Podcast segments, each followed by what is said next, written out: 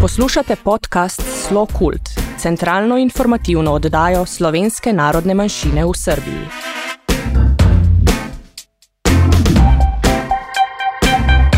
Dragi slušalci, srdačno vas pozdravljamo i želimo dobrodošlicu u našoj devetoj emisiji Slo Kult podcasta – centralne informativne emisije koja je namenjena članovima slovenačke zajednice u Srbiji, slovencima po svetu i u Matici, kao i svim zainteresovanim za slovenačku kulturu i savremeno stvaralaštvo slovenačke zajednice u Srbiji.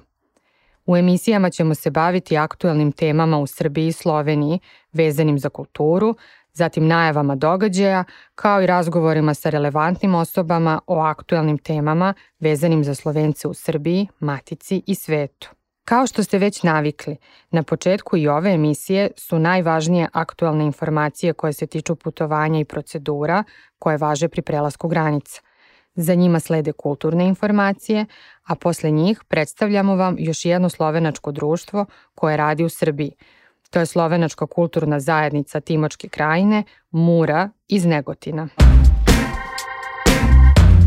Važne aktuelne informacije – Konzularno odeljenje ambasade Republike Slovenije u Beogradu obavlja rad sa slovenačkim državljanima, ali samo prema unapred dogovorenim terminima.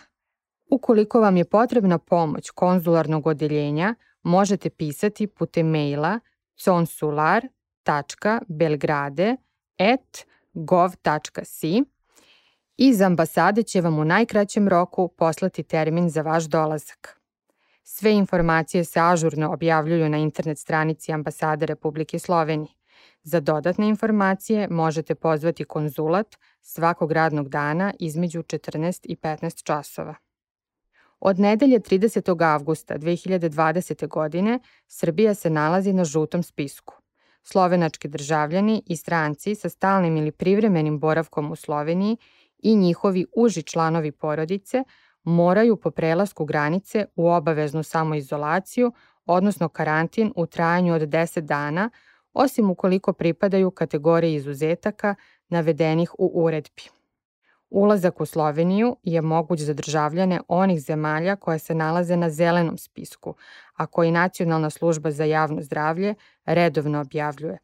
Zatim, za državljane država članica Evropske unije, kao i država šengenske zone – za imaoce dozvola za privremeni ili stalni boravak, zakazano lečenje u Sloveniji i za uže članove porodice slovenačkih državljana. Svi koji dolaze u Sloveniju iz država koje se nalaze na crvenom ili žutom spisku, odnosno država sa pogoršanom epidemiološkom slikom, moraju u obaveznu samoizolaciju, odnosno karantin. Karantin se ne odnosi na one koji pripadaju kategoriji izuzetaka navedenih u članu 10 Uredbe o određivanju i sprovođenju mera za sprečavanje širenja bolesti uzrokovane virusom COVID-19 na graničnim prelazima, na spoljašnjoj granici, kontrolnim tačkama na unutrašnjim granicama i unutar Republike Slovenije koji je donet 16. jula 2020. godine. O pomenutim izuzecima možete se detaljnije informisati na internet stranici Ambasade Republike Slovenije. U vezi tranzita kroz Hrvatsku i Mađarsku potrebno je obratiti se nadležnim ambasadama. Prema našim podacima, tranzit kroz sve zemlje je moguć ako putnik dokaže svrhu putovanja i potvrdu da će mu biti dozvoljen ulazak u zemlju odredišta. Aerodromi u Sloveniji i Srbiji rade normalno. Važno je da se pridržavate svih uputstava i zaštitnih mera koje diktiraju aerodromi, kao što su poštovanje bezbedne razdaljine, korišćenje lične zaštitne opreme i sl. Uslove za ulazak u Srbiju određuju nadležni organi Republike Srbije. Prema našim podacima, za ulazak u Srbiju nema posebnih uslova, osim za strance koji dolaze iz Hrvatske, Makedonije, Rumunije i Bugarske. I ovoga puta se zahvaljujemo gospodinu Primožu Križaju, konzulu ambasadi Republike Slovenije u Beogradu. Parlament Republike Slovenije poslao je obaveštenje da je Sindikat radnika migranata Slovenije na osnovu zakona o referendumu i narodnoj inicijativi dao predlog glasačima da se da predlog zakona o promenama i dopunama zakona o porezu na dohodak. Prikupljanje potpisa glasača održava se između 15. septembra i 13. novembra 2020. godine. U ovom roku glasači mogu dati svoju podršku na predviđenim obrazcima za to što mogu uraditi lično ili tako što bi njihov potpis na obrazcu potvrdila ovlašćena osoba diplomatskog predstavništva ili konzulata Republike Slovenije u inostranstvu. Za davanje potpisa podrške mora se zatražiti termin u ambasadi na e-mail adresi consular.belgrade.gov.si. Ministarstvo unutrašnjih poslova Republike Slovenije objavilo je informaciju u vezi sa istekom privremenih adresa u inostranstvu. Sve pojedince koji su se u inostranstvo privremeno odselili pre 13. avgusta 2017. godine i koji su pre tog datuma prijavili privremen odlazak sa prostora Republike Slovenije, odnosno prijavili privremen boravak u inostranstvu, koji kasnije nisu menjali, obaveštavamo da je privremena prijava na toj adresi prestala da važi po službenoj dužnosti sa datumom 13.8.2020. godine. Prema promeni zakona o prijavi boravka u 2016. godini, važi da privremena adresa u inostranstvu važi najviše četiri godine. Ako pojedinac i dalje boravi na istoj prijavljenoj privremenoj adresi, mora produžiti prijavu, a ako priroda njegovog boravka u inostranstvu pređe iz privremene u stalnu, dužan je da prijavi stalnu adresu. Istovremeno, važi da je pojedinac koji u inostranstvu boravi stalno ili privremeno dužan da prijavi svaku promenu adrese. Ovo se može obaviti na bilo kojoj upravnoj enoti u Republici Sloveniji, kao i na diplomatskom predstavništvu ili konzulatu Republike Slovenije u inostranstvu. Pojedinac može prijavu podneti lično, a takođe može vlastiti pisanim ovlašćenjem drugu osobu. Više informacija o tome možete pročitati na internet stranici Ministarstva unutrašnjih poslova Republike Slovenije. Kultura Obaveštavamo vas da do 1. oktobra 2020. godine možete pogledati izložbu Sekvence istine i obmane Vanje Bučan, nagrađivane slovenačke umetnice iz domena fotografije, koja je ove godine proglašena za jednu od dobitnica prestižne međunarodne nagrade Lens Culture Critics Choice Award 2020. Ovu izložbu, koja obuhvata fotografije iz četiri serije, možete posetiti u galeriji Artget na prvom spratu Kulturnog centra Beograda svakog dana osim nedelje od 12 do 20 časova. Slovenačka konferencija Svetskog slovenačkog kongresa je uz finansijsku pomoć u rada Republike Slovenije za Slovence u zamejstvu im po svetu raspisala konkurs za originalno izražavanje mladih Slovenaca koji žive van granica Republike Slovenije.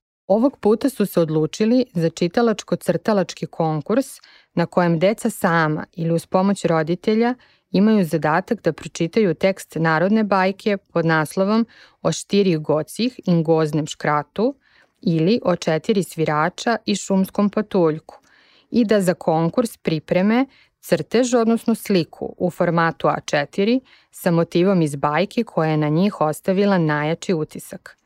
Na konkurs se mogu prijaviti pojedinci ili grupe, a svi pristigli radovi biće objavljeni na internet stranici Svetskog slovenačkog kongresa gde možete pronaći i više informacija o ovom događaju. Dragi slušaoci, i ovoga puta podsjećamo vas da možete sve zanimljive i važne informacije koje su vezane za kulturne i druge događaje slovenačke zajednice u Srbiji, kao i u Sloveniji, podeliti sa nama. Vaše predloge možete poslati na našu e-mail adresu redakcija at slokult.info.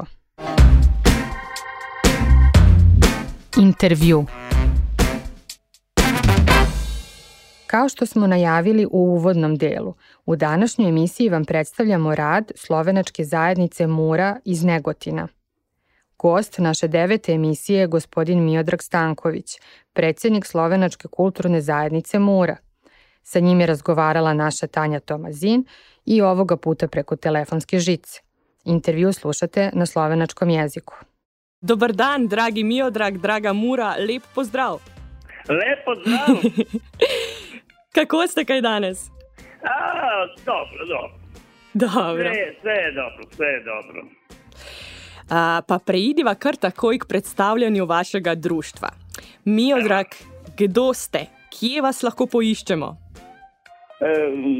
Naše društvo datira od Naše društvo je bilo ustanovljeno leta 2006 v okviru zaječarske skupnosti slovencev Ivan Cankar. Zatem pa smo leta 2012 uradno postali samostojno društvo z vsemi zakonskimi regulativami, registrirano v APR-u. Naše društvo združuje slovence, potomce še iz časa stare Jugoslavije, kot tudi ljudi brez slovenskega porekla, tako imenovane ekonomske slovence oziroma ljudi, ki so v 60-ih letih prejšnjega stoletja odšli v Slovenijo s trebuhom za kruhom, a so se po zaključeni delovni dobi vrnili v Srbijo. Včasih se zgodi, da takšni ljudje postanejo bolj zavedni slovenci kot nekateri od nas, ki so nas rodile slovenske matere. Včasih je res tako, vendar so seveda vsi enakopravni člani. Naše društvo šteje približno 50 članov. Tudi obisk mladih napreduje, vendar ti zaradi ekonomskih razlogov največkrat odidejo v Slovenijo in ne ostanejo v Negotinu, če me lahko razumete. Zato je težko govoriti o nekem pravem podmladku. Mladi se k nam vračajo predvsem zato, da obiščejo svojo družino, babice in detke, zatem pa se vrnejo v Slovenijo. Dožijo ovde kot dede, babe in vrati se nazaj. Zdaj, nove člane verjetno najla, najlažje privabljate prav uh, z raznimi projekti in programi. E, da, projekti so nam zelo kvalitetni. Uh -huh. Eh, kaj pa so nekateri, recimo, najpomembnejši ali pa tradicionalni projekti, ki jih izvajate v vašem društvu? Tradicionalni projekt, eh, imeli smo šolo slovenskega jezika ali je nam. Da, imamo dobre projekte. Imeli smo šolo slovenskega jezika, ki je po smrti učitelja slovenščine, ki je bil hkrati tudi profesor glasbe v tukajšnji glasbeni šoli, nažalost ugasnila. Izpostavil bi projekt, ki se odvija na Mokrančevih dneh. Pri tem smo izredno angažirani. Vsaj vsako drugo leto na tej manifestaciji sodelujemo s kori iz Slovenije, iz Ljutomera, Tržiča, Krajevo, Ljubljani, kar pa seveda zaradi trenutne epidemiološke situacije v letošnjem letu ni izvedljivo. Mesto kot Ljubljane. Skratka, veliko gostovanj, tudi pri vas. Gostite razne goste iz Slovenije. A, da, da, da, da, Onda smo imali, imali smo jedan... Seveda, en tak projekt je o Mihovilu Logarju, slovenskem skladatelju. Van smo vključili predstavljanje slovenske proze in poezije v želji, da privabimo tudi slovensko dramo. Vendar, kot sem rekel, je trenutno vse negotovo. Tako tudi načrti za novi projekt Slovenci v Nišu, v katerega bi povabili režiserja Žilnika, ki bi ga gostili tudi v Negotinu. Trenutno pa je težko zagotoviti ustrezne pogoje za vse to. Trenutno je vse negotovo, ampak upamo, da bo prihodnost postala nekoliko bolj uh, praktična ponovno za naše delovanje. Omenili pa ste mi, drag, mokrančeve dane. Bi rekli lahko kakšno besedico več o tem? E, na, naše društvo, naše društvo sodeluje tako, što imamo uh, jednoga Član našega društva je zadolžen, da izvede selekcijo in predlaga slovenske kore strokovni komisiji oziroma odboru Mokrančevih dni. Po izbiri nastopajočih korov se nadaljujejo dogovori glede repertoarja, teme. Pomembno je pri tem uvrstiti kompozicije slovenskih avtorjev, saj tako lahko predstavimo sodobno slovensko glasbo in avtorje. Društvu Sava sem poslal gradivo o tem. Izdelali smo knjigo, ki obstaja tudi v elektronski obliki. Sedaj ustvarjamo njen drugi del in tudi tega vam bomo poslali. Elektronski obliki knjige, da radimo drugi del, pa jaz sem da vam pošaljem. Uh, Okay, vas lahko še vprašam, rekli ste, da trenutno pouk slovenskega jezika ne poteka v vašem društvu. Kje pa se vaši člani vendarle lahko učijo slovenščine? Mi, kot nas, od nas, naši članovi. Tu pri nas imajo člani društva določeno znanje slovenskega jezika, ki so ga osvojili zahvaljujoč svojemu slovenskemu poreklu ali v času, ki so ga prebili v Sloveniji. Mladine, ki bi se zanimala za učenje slovenščine, skoraj da ni. Morda bi bilo mogoče organizirati jezikovni tečaj za ljudi iz medicinske stroke, za sestre, bolničarje, zdravnike, vendar je za nje bolj koristno, da se učijo nemško, če smo povsem iskreni. Vendar za njih bi denimo lahko organizirali učne ure jezika v Zaječaru, kjer jih je veliko, v Negotinu pa je več varilcev, gradbincev in izvajalcev drugih industrijskih storitev, manj pa ljudi iz sfere kulture. Mi smo imeli tako zvane kulturne delatnike iz Slovenije. Dobro, ali se potem vaši člani lahko pridružijo pouku v Zaječarju, če sem vas pravilno razumela? Da, to bi trebalo, da se da neko jih vozi. Teoretično bi to šlo, vendar obstajajo ovire v obliki organizacije prevoza na relaciji Negotin-Zaječar, Zaječar-Negotin. Vsekakor ne gre pozabiti tudi na pomankanje zanimanja.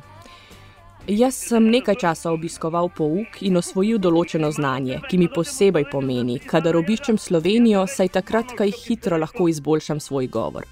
Tukaj to znanje ostaja pasivno, saj nimam veliko priložnosti, da spregovorim.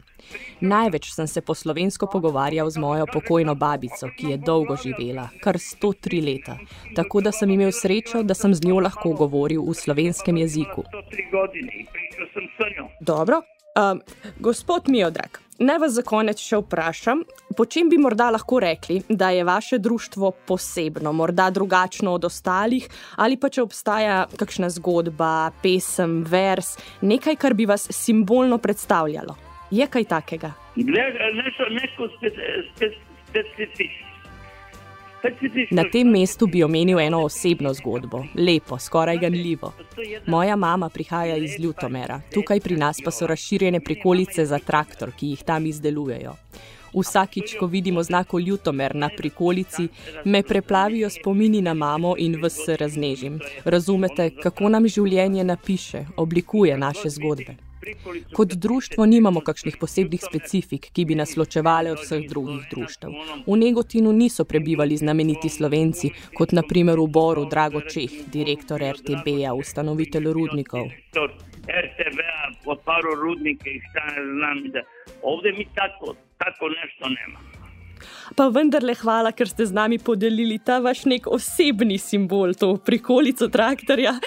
Um, nič, jaz bi se vam za konec res zahvalila za tole predstavljanje, lepo vas je bilo gostiti in seveda vam želimo srečno in uspešno delo še naprej. Želimo vam čim več novih članov in pa možnosti za učenje slovenskega jezika, pa da se ponovno spet kje srečamo. Vse je dobro. drago Meni je posebej v veselje, da sem lahko ob tej priložnosti poslušal vašo slovenščino, saj imam malo možnosti za to. Veseli me tudi, da sem vse razumel, zato se bom v prihodnje potrudil, da na naslednji intervju tudi sam odgovorim v slovenskem jeziku. Sedaj mi je zmanjkalo časa, da se pripravim. Ja, vem, vse se nam večkrat oglasite tudi v slovenskem jeziku, vsekakor pa, kot ste rekli, do konca leta se še kdaj oglasite, da malo trenirava. Hvala vam. No. Prijetno.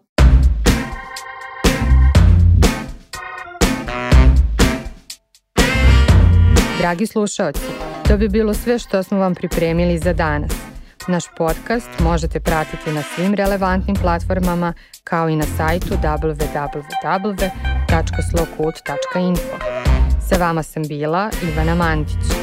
Tehnička realizacija Dino Dolničar, redakcija Slow Cult podcasta Tanja Tomazin, Ivana Mandić, Saša Verbić i Dino Dolničar. Uživajte u početku jeseni.